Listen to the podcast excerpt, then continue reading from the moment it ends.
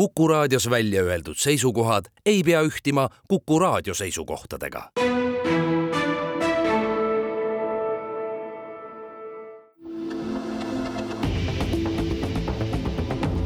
kahevahel. kahevahel. tere ajakirjanikud Ainar Ruussaar ja Timo Tarve alustavad aastalõpu erisaadet Kahevahel ja meie vahel Kuku raadio stuudios on riigi peaprokurör Andres Parmas, tere! tervist! Andres, olime päris kindlad kunagi seda intervjuud kokku leppides, et kõneleme tänaseks ametist lahkuva riigi peaprokuröriga ja alustava rahvusvahelise kriminaalkohtu kohtunikuga. paraku nii ei läinud, te ei osutunud valituks ja märkisite hiljem, et see jäi sündimata tänu tagatoa kokkulepetele tundub kuidagi uskumatu, et taoline institutsioon valib endale liikmeid tagatoas. kuidas see võimalik on? No eks siin tuleb natukene kaugemalt alustada, et äh, see valikuprotseduur äh, Rahvusvahelise Kriminaalkohtu kohtunike jaoks on päris äh, keeruline ja mitmeetapiline.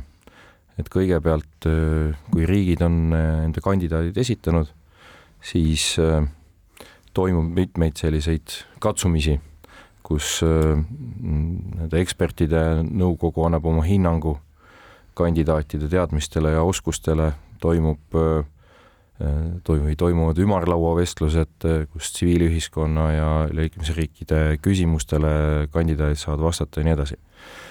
aga lõpuks äh, jõuab kätte nii-öelda valimiste aeg ja see kõik eelnev et missuguse hinnangu on eksperdid äh, mingisugusele kandidaadile andnud, on ta nõrk või tugev, ei oma sisulist tähtsust, vaid äh, riigid siis äh, mitmes voorus hääletavad. Ja hääletavad loomulikult ka niimoodi, et riikide grupid, kellel on mingisugused spetsiifilised oma huvid, et ma ei tea, näiteks Aafrika riigid või Okeaania väikeriigid hoiavad, hoiavad kokku. Ja, ja see mm, võib omada äh, iseenesest juba nüüd valimistulemustele nagu päris suurt tähtsust, sest et äh, mõningatest nendest gruppidest on päris palju riike see tähendab siis kokkuvõttes seda, et teie asemel, ma ei tea, oli see äkki Mongoolia esindaja, kes nüüd Rahvusvahelise Kriminaalkohtu kohtunikuks sai või mismoodi see nüüd lõpuks sai. Te ise pingutasite kõvasti, ma olen aru saanud, et teie teadmisi hinnati väga kõrgelt, Eesti riik nägi ka kõvasti vaeva teie kandidatuuriga, eks see vist on kokkuvõttes siis pettumuse koht, mis me siin salgame? Mm, eks ta loomulikult on pettumus, aga äh, mitte midagi ei, olnud äh, ette garanteeritud ega kindel, et, et see, et äh, Äh, tegemist on just niisuguse valimisprotseduuriga, nagu, nagu ma kirjeldasin, see oli ka ette teada.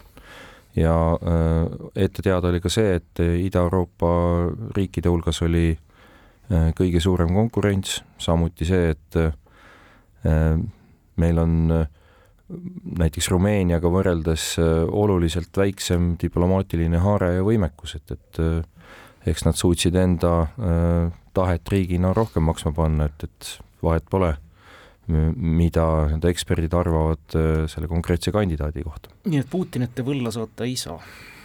no praegu mitte, jah. Andres Parmas, millest üldse teie huvi rahvusvahelise kriminaalõiguse vastu?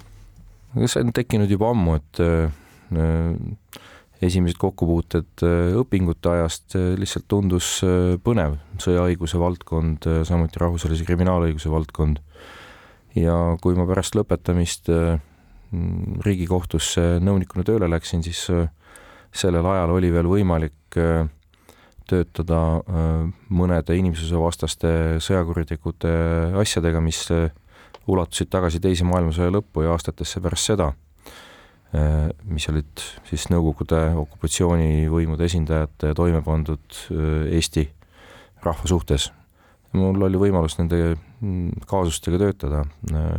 see tekitas huvi, tekitas ka selle uskumuse, et selle veendumuse, et on võimalik ka väga pika aja tagant ja on võimalik kuni tegelikult väga võimsate isikuteni välja vastutusega jõuda, et see kontseptsioon lihtsalt tundus mulle väga sümpaatne.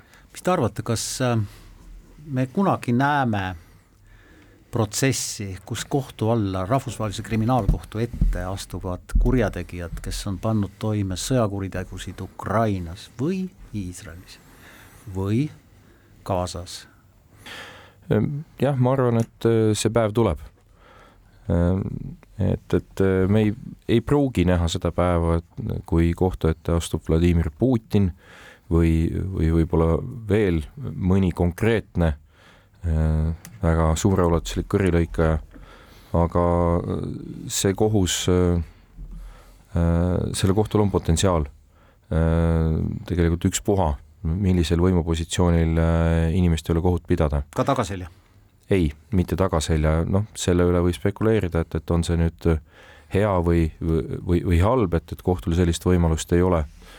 Äh, aga eks väga palju, äh, rahvusvaheline kriminaalõigus on ikkagi selline uh, uus uh, arenev uh, valdkond ja riikide siis ütleme, valmisolek teha omavahel nii tihedat koostööd et, äh, et nagu garanteerida äh, ka kõige olulisemate toimepanijate kohtu ette toomine, äh, selle võimekuse ja selle soovi väljakujunemine võtab veel aega nüüd, kus see etapp tänavusest aastast, mis teist hästi palju aega ära võttis, loomulikult on selja taha jäänud, saate jätkata kitsama fookusega, elada eraelu, mis on hästi oluline. Teil täitub veebruaris neljas aasta peaprokurörina, ilmselt veate ka viienda ametiaja viimase lõpuni välja nüüd ma tõesti keskendun enda tööle peaprokurörina, et äh, prokuratuuris äh, on äh, käsil olulised muudatused, olulised arendused, mis või mille siis nende lõplik läbiviimine nõuab kahtlemata ka minu panust kas need on tingitud sellest väga turbulentsest aastast, millest me veel saates kindlasti ka kõneleme? ei, need muudatused seonduvad tegelikult vajadusega areneda siis koos ühiskonnaga, areneda organisatsioonil selles suunas, millised on ütleme, kuritegevuse enda arengud, millised nagu ühiskonna ootused prokuratuuri või ütleme, õiguskaitseorganite tööle laiemalt, et keskenduda rohkem rasketele kuritegudele, selle asemel, et, et Äh, kulutada oma energia põhiliselt ära äh, väheolulistele, aga lihtsatele case idele, selleks, et äh, keskenduda rohkem valgekrae kuritegevusele, majandus- ja korruptsioonikuritegudele ja tulla kaasa ka lihtsalt muutunud õigusolustikuga, kus niisugusel viisil töötamine nagu klassikaliselt, et on üks kriminaalasi, üks prokurör noh, lihtsalt enam paraku ei ole reaalne mahukates ja suurtes kriminaalmenetlustes. Andres Parmas, ma pean selle küsimuse ära küsit-, küsima, olete olnud Tartu Ülikooli tänase õigusteaduskonna suhtes üsna kriitiline, kui mina õppisin Tartu Ülikoolis kaheksakümnendate lõpus ja üheksakümnendate algul, siis ikkagi ausalt öeldes vaadati juurakatele ja arstitudengitele alt üles, et need olid nagu priviligeeritud seis, mis juhtunud on? no arstid võib-olla on oma priviligeeritud staatuse suutnud säilitada, sest arstiteaduskond on endiselt ülikoolis ta siis täiesti eraldiseisev ja autonoomne üksus. juristid kahjuks ei ole seda suutnud ja meist on saanud sotsiaalteaduskonna lihtsalt üks väike osa. probleem õigusteaduskonna juures on, on üksjagu, et, et lihtsalt paar tükki ära markeerida on äh, on see, et, et meil ei ole äh, piisavalt palju vahendeid, et äh, tagada äh, kõikides õppeprogrammides niisugusel viisil õppe läbiviimist, nagu see oleks Eesti õiguskorra jaoks vajalik.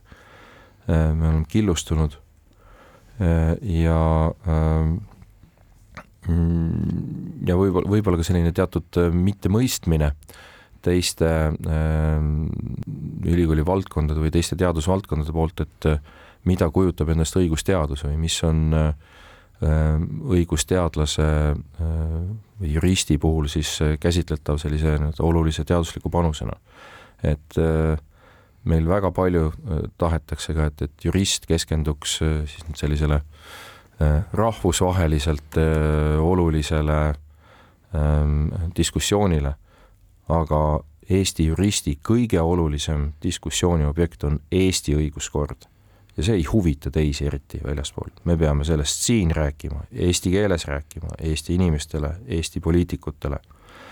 ja see arusaamine, selle arvestamine ei ole kahjuks igale poole kohale jõudnud Andres Parmas, kas nüüd neli aastat peaaegu tippjuhina organisatsiooni juhtida olete saanud eh, teha mingit meelepärast asja ka, ehk siis näiteks karistusõigust kujundada, arvamust selle koha pealt ajada või siis on tõesti kulunud see aur prokuratuuri reformimisele, administratiivsele tööle, kõik need jooksvad asjad?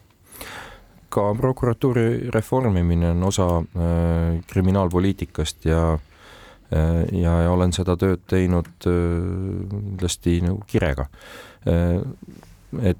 Et Äh, prokuratuuri juhtimistöö äh, kahtlemata hõlmab endas äh, ka sellist nagu tavapärast igapäevast administreerimist, puhkusegraafikute koostamist. seda peate ka teie tegema või?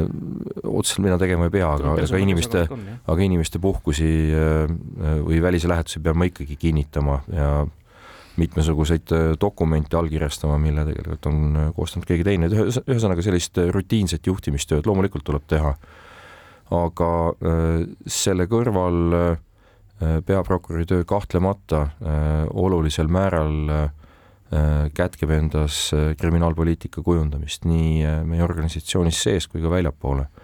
ja nii palju kui võimalik ma seda ka teinud olen, et noh, paraku eks nii teie kui raadiokuulajadki teavad, milline Eestis see poliitiline olukord on olnud või on ka täna, et, et mitmed olulised seadusemuudatused, mida äh, oleks äh, tarvis teha. Neid ei ole olnud võimalik äh, siiamaani teha. ja, ja nii mõneski mõttes meie poliitiline elu on, ei, ei ole olnud soosiv Läheme siinkohal väikesele reklaamipausile ja siis jätkame juba aasta lõpu kahe vahel saadet Andres Parmasega.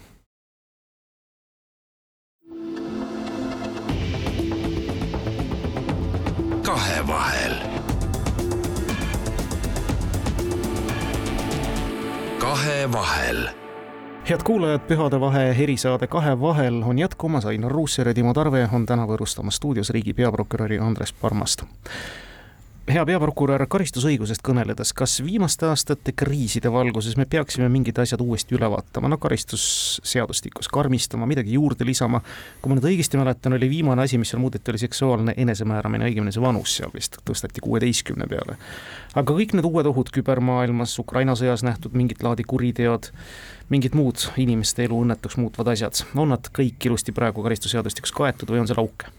On karistusseadustikku äh, Ukraina sõja äh, siis eskaleerumise kogemuse valguses ka täiendati, eks ole, et, et agressiooni toetamise äh, koosseisu näol. üldiselt karistusseadustik on selline seadus ja ütleme, kuritegu, koosseis, kuriteo koosseisude loomine on selline protsess, millega võiks olla pigem konservatiivne ja tagasihoidlik, mitte Äh, mitte tormata äh, iga mingisuguse üksikjuhtumi peale siis äh, kas seadust karmistama, muutma või ka midagi leevendama.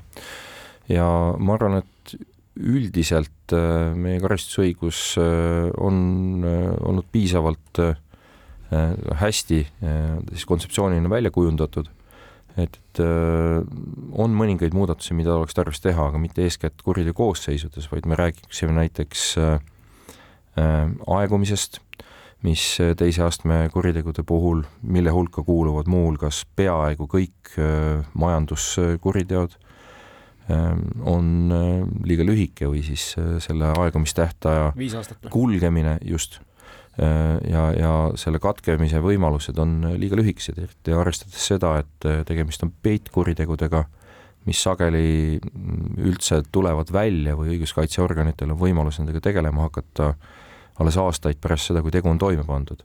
ja seda aega äh, jääb äh, iseenesest äh, lihtsalt liiga väheseks. eriti arvestades seda, et äh, sellekohased protsessid võivad meil olla just mahukad ja aeganõudvad. jah, samamoodi võiks äh, nimetada võib-olla ähm, ilma süüdimõistva kohtuotsuseta konfiskeerimise instituuti, millest ähm, ikka ja jälle on äh, juttu olnud äh, ja, ja millel võiks olla ikkagi tuleviku kontekstis nagu oluline tähtsus, et, et et meil võib-olla eeskätt ei olegi majandus korruptsiooni kurjategijate puhul alati tarvis saavutada süüdimõistmist, vahest ei ole see teatud põhjustel võimalikki hästi, aga kuritegelikult teenitud tulu tuleks igal juhul ära võtta, nii toimepanijalt kui ka muudelt isikutelt, kelle kätte see siis võib olla kanditud. väga paljudes aruteludes viimastel aastatel on jäänud kõlama küsimus, millele mina ei oska vastata, aga teie kindlasti oskate. kas tõsise kriisi ajal, olgu see julgeolekukriis, olgu see mingi tervishoiukriis, võib-olla ka majanduskriis, kas ka tõsise kriisi ajal võib seadust, kuidas siis öelda, tõlgendada, rikkuda, selleks, et kriisist paremini välja tulla, kiiremini välja tulla? no seadust äh, rikkuda ei, ei tohi Äh, aga seadust tõlgendama kahtlemata peab äh, nii kriisis kui ka, kui ka tavaolukorras. Ja üldiselt on meie õiguskord, kui me võtame oma põhiseaduse, siiski küllaltki elastne ja võimaldab tõlgendusi, et, et need põhiseaduse sätted ei, ei ole mm, kirjutatud äh, Äh, ütleme siis liiga, äh, liiga kinniselt. iseküsimus on see, et, et äh, vahest võib olla mõnedes menetlustes kohtus antud liiga jäigad tõlgendused, millest hiljem on keeruline üle või ümber saada üks küsimus, mida ilmselt küsitakse igas pikemas intervjuus, see puudutab äh, kriminaalmenetluste pikkusi. Need on kõigile osapooltele hästi kurnavad ja see tundub mõnede kohtuasjade puhul, et see on paratamatus, eriti kui kriisid sinna vahele veerevad stiilis pandeemia ja muu säärane, noh Tallinna Sadama juhtum kõige klassikalisem, mis vast jõuab nüüd uuel aastal ka lõpuni välja. on see siis paratamatus, kui me tahame absoluutselt kõik äh, tõendid välja selgitada kohtus, me tahame olla kindlad, et me kõigi tõenditega ka kohtus pädeme, et see võtabki aega mahukates kriminaalasjades ähm, tõe väljaselgitamine ja äh, ja, ja kohtumenetluse läbiviimine tõepoolest võtabki aega, iseasi, kas ta nüüd peab aega võtma nii palju, nagu näiteks äh, Tallinna Sadama protsess, äh, ma arvan, et et mitte. arenguruumi meil kahtlemata on ja üldiselt siiski tuleb rõhutada seda, et Eesti kriminaalmenetlus tervikuna on äh, paindlik ja on vägagi väle. Äh, statistilise keskmisena äh, on see üks Euroopa maailma kiiremaid kriminaalmenetlusi ja meil on väga erinevaid võimalusi, kuidas siis nii-öelda minna mööda sellest kõige ajamahukamast, kõigest ressursi, kõige ressursimahukamast menetlusliigist, üldmenetlusest. aga äh, ka sellele peab jääma oma koht. ja on vaidlusi, mida on õige pidadagi äh, üldmenetluses äh, nii-öelda klassikalises äh, kohtuistungi vormis ja need paratamatult ka kõige parema asjade korralduse juures võtavad aega sest et selle lühi- ja kokkuleppemenetluse juures ka teinekord oportuniteediga jääb alati see tunne, et see õiglus jäi lõpuni välja selgitamata ja õiglane karistus andmata, alati. no ma arvan, et, et siin äh, on väga suur roll siiski selles, et, et kui palju ühiskonnaliikmed äh, suudavad enda riigi institutsioone usaldada.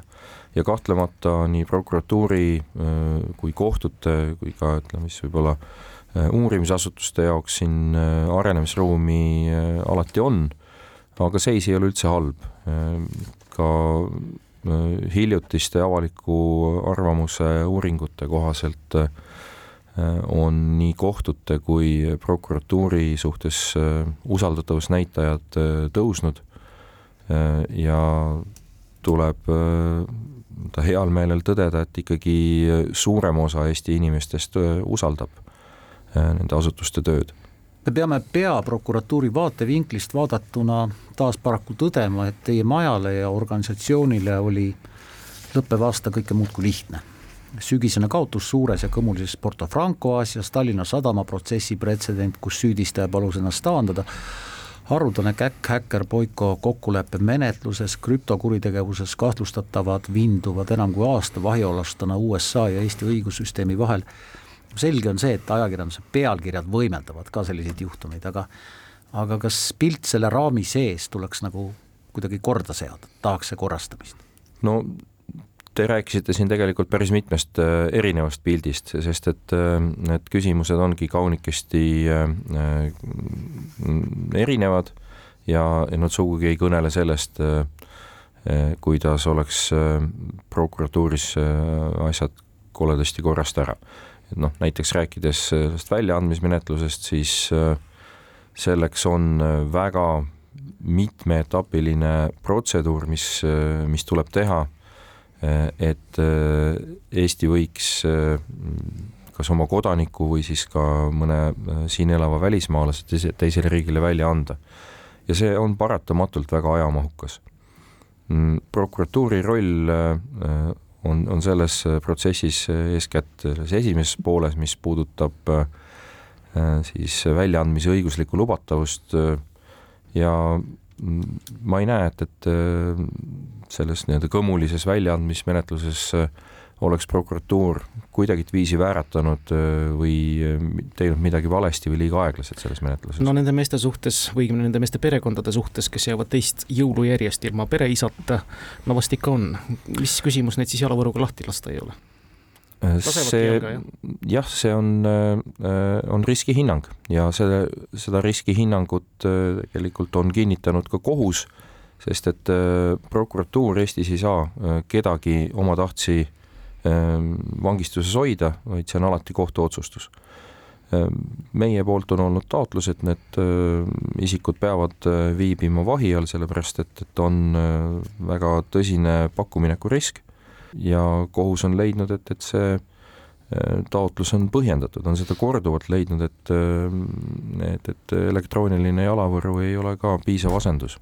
Porto Franco asjas tundus meile ajakirjanikena ja meediatarbijatena, et üsna palju läks prokuratuur kohtusse kaudsete tõenditega, mis ei osutunud ka lõpuks kindlaks. kas selline kohtu õngitsemine ja proovimine on tavapärane, teil on võimalus nüüd minu väide ümber lükata?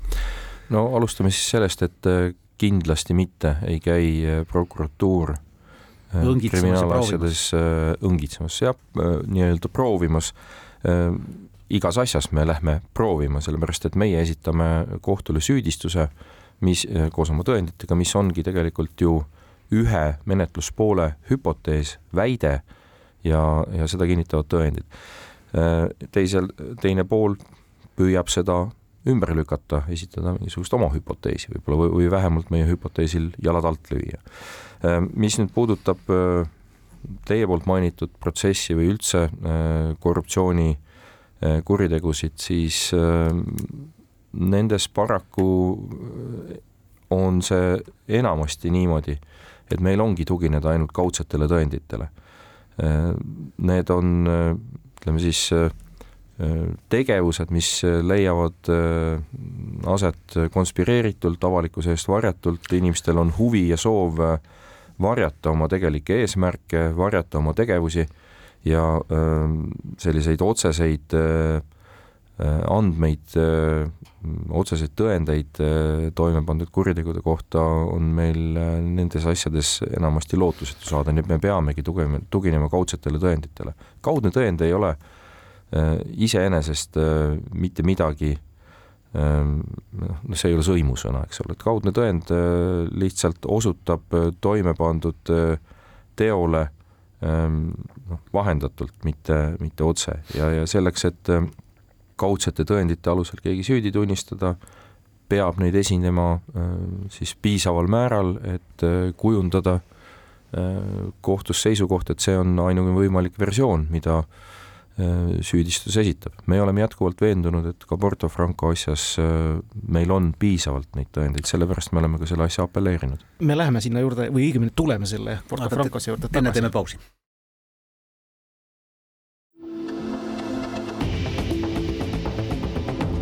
kahevahel. kahevahel me jätkame ühes Andres Parmasega väga põnevaks läinud saates, kus viimati jäime pooleli siin Porto Franco juurde ja tahaks tegelikult sellel teemal jätkata. Ainar Ruussaar, Timo Tarve on saatejuhid Küsijad ja saade, mida kuulata, on siis kahe vahel aasta lõpu eri kuulge, see supsutama ja muud legendaarseks muutunud fraasid andsid ju meile ju aimu, ega me lollid ei ole, et mingit laadi mitteametlikumad kohtumised, mis pidid kaasa aitama küsimuse lahendamisele, ju toimusid. kuidas taoliste poolhämarate asjade või kahtluste puhul siis peaks tegelikult käituma nende samade kaudsete tõendite kogumisega, kui on mingigi kahtlus, kas üldse tohib uurida ja omal algatusel tõendit koguda, kartmata pahandusse sattumist või siis edaspidi tulenevalt siis sellest pretsedendist peabki ära ootama, kuni taevast kukub selge tõend ja me teame, et seda ilmselgelt kunagi ei kukugi. vastasite ise ära, et, et äh, kuna sellist äh, kuldset võimalust, et äh, et, et kuskilt tuleks selline kroontõend, on väga naiivne oodata, siis, siis seda ootama jääda ka ei, ei saa. ja prokuratuur, ütleme uurimisasutused alustavad äh, kriminaalmenetlust siis, kui äh, selleks on olemas äh, alused ja seda kohustab seadus. ja kui neid aluseid ei esine, siis seadus ei luba hakata nii-öelda õngitsema või otsima inimese tegevuses, et aga äkki ta on midagi halba teinud. sellist asja Eesti riigis olla ei saa ja seda siin ka ei toimu. vot sellepärast küsin üle see on, see on minu jaoks äh, väga tähtis ja ilmselt ka paljudele kuulajatele on oluline teada.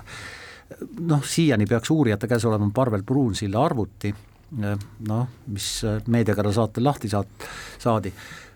kas on nii, et uurija ja prokurör vaatavad lisaks konkreetsetele kahtlustust, kahtlusega asjale ka näiteks selles arvutis teisi faile, et äkki on seal veel midagi, äkki tuleb veel midagi põnevat välja. ja leiame mingi aluse või kahtluse no esiteks, et see äh, arvuti äh, oli tarvis äh, kätte saada ja, ja, ja lahti võtta sellepärast, et koguda tõendeid kahtlustuse kohta, mis Parvel Pruunsillale oli esitatud. Ja, ja, ja seda ka tehti, tänaseks on see arvuti Parvel Pruunsillale tagastatud mingit äh, sellist spetsiifilist õngitsemist või et, et nüüd äh, hakkame lihtsalt naljaviluks äh, mingisugust arvutit failide kaupa läbi vaatama, nüüd sellist asja ei toimu ja selleks ei ole muuhulgas ka mitte kellelgi ressursse, ma ei räägi isegi mitte siin ainult Eestist, ei ole ka olulisemalt suuremates riikides sellist võimekust. samas niinimetatud juhuleid, ehk see, kui, kui sa satud millelegi peale mis äh, viitab äh, mõnele muule toime pandud kuriteole, siis ka sellise juhuleiu käsitlemine ja, ja selle alusel kriminaaluurimise laiendamine on iseenesest igati võimalik ja, ja seda, seda saab teha umbkaudu üheksateist aastat tagasi lahvatas hästi suur liikluspolitseinike skandaal Tallinnas ja Harjumaal, üle kümne liikluspolitseiniku läks kohtu alla, mõisteti süüdi, see sai alguse sellest, et narkopolitseinikud jälitasid ühte kurjategijat ja juhtusid pealt kuulama kõnet, kus keegi ütles, kuidas ta mendile altkäemaksu andis. ja sellest samast pealt kuulatud kõnest sai alguse siis nende liikluspolitseinike mahavõtmine. mul tekib nüüd küsimus, kas see juhtumisi pealt kuulatud kõne kui ta on nüüd saadud kohtuloaga hoopis teise kuriteo jälitamiseks, kas ta kõlbab tõendina kasutada ka teise asjasse mittepuutuva kuriteo tõendina? seda on alati kohtus ju vaidlustatud, et kuulge, et te hankisite selle tõendi hoopis teise kriminaalmenetluse raames. jah äh,, siin ongi tegemist äh, niinimetatud äh, juhuleiuga ja äh, põhimõtteliselt on see võimalik. aga seesama Pruunsild ja Priit Humal, see on suhteliselt vakka olnud taotlus, kriminaalasi praegusel hetkel me saime uudisena kuulda, et Brunsil sai arvuti tagasi. mis seisus see uurimine on, millal on süüdistust oodata? süüdistust on oodata peatselt, selle asja materjalid on prokuratuuris, prokuratuur tõmbab viimaseid otsi kokku ja uue aasta algul on plaanis kaitsjatele materjale tutvustada värskemate uurimistena on prokuratuuri laual Riigikogu liikmed Gerd Kingo nüüd juba süüdistatavas staatuses ja Kalle Grünthal kahtlustatavana, te olete kogenud õigusmõistja ja te olete väga hea psühholoog. kuulge, mis ajab inimesi vähegi võimu ja raha sümbioosis nõnda käituma? isegi mitte rehepappi tegema, vaid lausa kratti tegema? ma arvan, et see, mis ajab äh, inimesi nii-öelda võõra äh, rahakoti kallale või ka avalikku raha enda kasuks kasutama, et, et ühelt poolt on see ahnus teiselt poolt äh, ka äh, usk sellesse, et, et äh, kontrollmehhanismid ei ole piisavalt tugevad või et, et, et selle teoga ei, ei jää vahele. ja kolmandana võib-olla võiks välja tuua siis lihtsalt ütleme siis puuduliku, inimeste puuduliku eetika nii et tõesti kiusatus haarata käsi siis tasuta vara järele lubamatult suurel ahnel viisil, see on nõnda kärme tekkima, nii nagu karistamatus. muide, ega ma ei saa küsimata jätta, alati taolistel puhkudel ju esimene pröökamine on see, prokuratuur on poliitiliselt kallutatud, kas te olete vahel mõelnud, et vabandust, otsige endale nüüd uus vabandus, sellest on juba küllalt? Äh, jah, no see on väga tavaline äh, etteheide, et et muuhulgas on äh, ka mind isiklikult süüdistatud selles, et ma olen mingisuguse nii-öelda erakonna poiss, on ju ja, ja see, pange tähele, on ajas muutunud mm, -hmm. et, et millise erakonna poiss ma siis nüüd täpselt olen. Ehm, et äh, minu arvates see, et, et prokuratuur ei ole äh, poliitiliselt kallutatud, võiks välja tulla muuhulgas sellest, et äh, kriminaalmenetlusi on alustatud, läbi viidud ja toimepanijaid süüdi tunnistatud kõikidest erakondadest, et ei saa öelda, et, et me, me oleks kuidagi kellelegi, kellegi suhtes leebed või, või silma kinni pigistanud. et ka sellest aastast on meil kohtuotsuseid, kus on süüdi tunnistatud Reformierakonna liikmeid või siis mõne teise erakonna liikmete suhtes, eks ole, menetlused käivad siin nii EKRE kui Keskerakonna, Isamaaga seotud inimeste suhtes, nii et öelda, et Äh, et me oleks kuidagi äh, poliitiliselt äh, kallutatud, noh, siis me oleme nagu kallutatud natukene nagu igale poole või? jah, ega, ega äkki oleme ausad? absoluutselt, ega me seda tegelikult Timoga ei kahtlustanudki, aga noh, väga palju kohtusaalis esinemistest ja poliitikute sõnavõttudest see süüdistus kõlab, ehkki nad ise teavad täpselt sama hästi, et ei ole poliitiliselt kallutatud, ma ei saa üle ega ümber ka Mailis Repsi kaasusest mis vist varsti on jõudmas lõpukõnedega, kõnedeni, siingi peate võitlust lisaks kohtusaalile pidama ka avaliku arvamuse ja meediaga, et see on nagu prokuratuuri tegevuse üks tavapärane osa. see on tõsi, et, et, et kahjuks täna tuleb kohtusaali kõrval kriminaalmenetlustest palju rääkida ka meedias. ja, ja see kahtlemata ei ole ei minu ega äh, ühegi kriminaalmenetlust juhtiva prokuröri eelistus.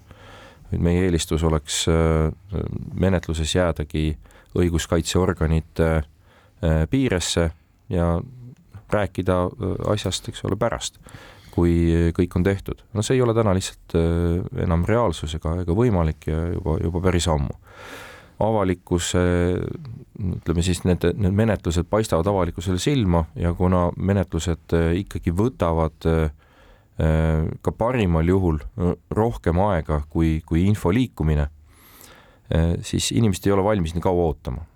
nii et noh, paratamatus on see, et tuleb siis nii palju, kui menetlust kahjustamata on, on võimalik nendest asjadest ka äh, menetluse kestel äh, avalikkusega rääkida. No.. ja noh, kahjuks äh, surub seda teatud määral peale meile ka vastaspool, me ei saa ju äh, süüdistatavat või tema kaitsjat keelata või takistada menetluste kohta enda arvamust avaldamast ja noh, ehk siis tuleb neile ka reageerida ja vastata no ise viisite juttu sinna, ma pidin just küsima, te teate väga hästi, kes näiteks nii Repsi kui võib-olla ka siis Pruunsilla kaasuste puhul on meediat esimese asjana relvana kasutanud. palun, te olete ka meedias, on teil temale omakorda sõnum meedia ehk meie vahendusel öelda? ei, mul ei ole eraldi midagi öelda, et selles mõttes, et äh, meil on äh, vaba riik, meil ja. on, sõna on meil vaba. see nii veel on. ja äh, eks me lihtsalt peame sellega arvestama äh, ja enda äh, vastustes, enda käsitluses äh, äh, jääma seaduste piiridesse kui ka väärikaks ja loota saame sellele, et, et et nii-öelda meie vastaspool samamoodi suudab jääda väärikaks. siinkohal väike paus ja siis jätkame saadet Andres Parmasega.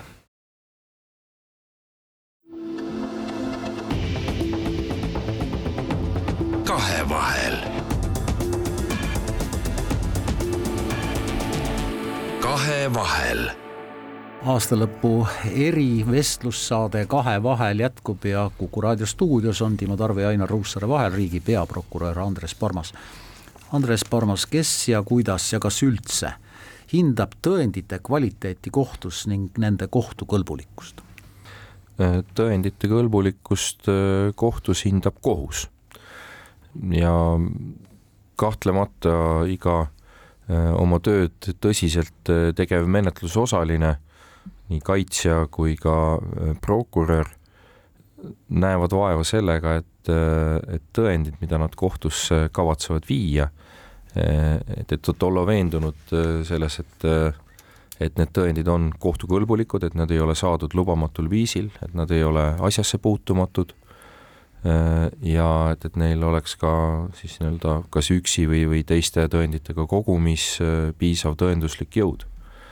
aga nagu ikka, eks ole, et arvamused võivad olla erinevad Äh, kunagi ei saa olla lõpuni veendunud, et äh, teised, äh, ütleme siis kohus näeb asju täpselt samas valguses nagu menetluse pool, aga kahtlemata me ka prokuratuuris hoolega mõtleme selle peale, et, et asjad, mida me kohtusse viime, et need tõendid, mis meil selle kohta on, oleksid piisavad ja et meil oleks nii-öelda kohtu perspektiivi härra Parmas, te istute siin stuudios ja täpselt oma sõnade järgi ka talitate, kuidas peaks meedias silma paistma väärikalt ja viisakalt.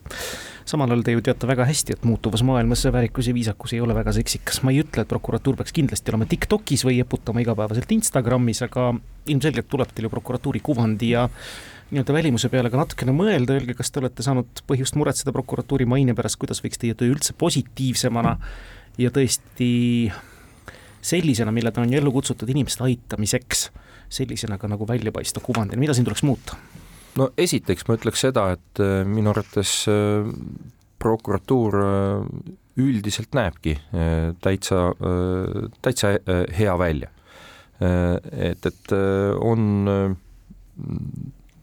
ütleme siis väiksem osa meediakajastust, mis on kriitiline või väga kriitiline, vahest ka tundub ebaõiglane aga suur osa meediakajastusest ja äh, avalikust diskussioonist, mis äh, meie tööd puudutab, ei ole sugugi prokuratuuri suhtes negatiivne või, või, või miinusmärgiga. nii et asjad ei ole sugugi olemuslikult halvasti, kuidas võiks olla veel paremini? veel paremini võiksid asjad olla siis, kui me suudame Äh, ise äh, veelgi äh, ütleme kiiremini, asjatundlikult ja, ja avatult oma asjadest rääkida. et õppimisruumi on konkreetsetele, konkreetsete menetlustega tegelevatele prokuröridele, aga samamoodi ka prokuratuuri juhtidele kindlasti küll ja veel. et kuidas, kuidas ennast paremini, selgemini väljendada Äh, missugustes kanalites ja millal äh, infoga välja tulla. ja noh, kui te mainisite siin, ma ei tea, Instagrami või TikTok'i, et et äh, eks me peame avalikust eelarvest rahastatava asutusena mõtlema ka selle peale, et, et milleks me inimesi tööle palkame. et, et kui palju me siis oma selle põhitöö süüdistuse esitamise ja, ja kriminaalmenetluste juhtimise kõrvalt äh, Äh, suudame panustada siis sellesse nii-öelda meediasuhtlusse, aga tõsiasi on see, me oleme sellest ka aru saanud, et et, et ka see meediapilt muutub, et, et nii-öelda selle klassikalise tele või, või raadio või, või paberajakirjanduse või täna digiajakirjanduse kõrval on äh, järjest rohkem äh, osakaalu saamas mitmesugused sellised väiksemad kõlakojad. Mainisite tööjõudu, küsingi, et kuidas prokuratuuris tööjõuga on, kas pädevate karistusõiguse asjatundjate pärast peate teiegi võitlust, äh, millega te inimesi tööle motiveerite, on see motivatsioon piisav, sest et noh, eripensionid ja mingid muud soodustused on ju kadunud? jah, äh, see, et, et eripensionid äh, kadunud on, ei iseloomusta ainult prokuratuuri, vaid ka teisi Eesti ametkondi ja, ja kahtlemata selle üle võib nagu vaielda, on see hea või halb. Äh, aga noh, esiteks, millega inimesi äh, nagu tööle motiveerida. Äh, ma arvan, et, et prokuratuur on äh, niisugune asutus, äh, kus töötades ei ole vaja ühelgi õhtul minna koju ja äh, iseenda südametunnistuse ees häbi tunda. seda ei saa alati öelda kõikide teiste võimalike kriminaalmenetlusega seotud asutuste kohta, kus inimene võib-olla selleks, et oma leib välja teenida, peab oma südametunnistusega ka kompromisse tegema. siin asutuses selleks vajadust ei ole see on kindlasti üks oluline motivaator, et, et inimene saab äh, tulla ja äh, teha ühiskonna jaoks väärtust loovat äh, olulist, olulist asja ja äh, olla kindel, et, et, et ta ei, ei pea äh, minema ütleme iseendaga eetilisse vastuollu. materiaalse poole pealt prokuröride töötasu täna on äh, Äh, on äh, ütleme siis niiviisi, et äh, hea ja ma arvan, et, et kellelgi pole põhjust selle üle viriseda. ja samamoodi me näeme hoolega vaeva, et selles väga stressirohkes töös enda inimesi toetada psühholoogiliselt ja Äh, ja ütleme siis ka puhtalt äh, nii-öelda kollektiiviga küünarnukitunnet äh, pakkudes, sest et on just väga oluline, et et keegi, kes meil siin töötab nende raskete teemadega, ei tunneks, et ta peab jääma millegagi üksi ega me ei saa vihakõneseadusest ka üle ega ümber, mis praegu siis peaks olema kuskil vähemalt menetluses. mis te prognoosite, kui suure Pandora laeka see eelnõu jõustudes nüüd avab ja meie õigussüsteemi, kas ta võib ka umbe ajada? ma ei usu, et äh, vaenukõneseadus, kui see ühel hetkel peaks vastu võetama, midagi nüüd otseselt umbe ajab. jah, äh, on võimalik, et äh, tekib mingisugune, ähm, mingisugune siis kaasuste laine, kus siis nagu püütakse uurimisasutusi või prokuratuuri nagu kaasa tõmmata sellele, et, et hakata kergekäeliselt äh, või senisest äh, kergekäelisemalt äh, ähm, karistama kellegi väljaütlemisi. aga ma olen ka täiesti veendunud selles, et, et me suudame selle asja kontrolli all hoida ja suudame sellele ka ütleme siis seda, selle praktika ka muutuva õiguse kontekstis kujundada õigusriigile kohaseks. me oleme jah, aastatega jõudnud, see on minu väide Äh, sinnamaali, kus midagi valesti ütlemine või teadlikult äh, valesti väitmine võib kaasa tuua esialgu rahalise kahju, noh peaministri abikaasa versus Delfi arvamuslugu. kas teie arvates on see uus normaalsus, et kogu selles sotsiaalmeedia virvarris on inimesed hakanud ennast tegelikult rohkem tsenseerima või vastupidi? mina küll ei näe, et inimesed ennast kuidagi väga tsenseeriksid, et äh et pigem Eestis lubatakse endale äh, väga äh, julmi äh, väljaütlemisi ja, ja väga vabalt.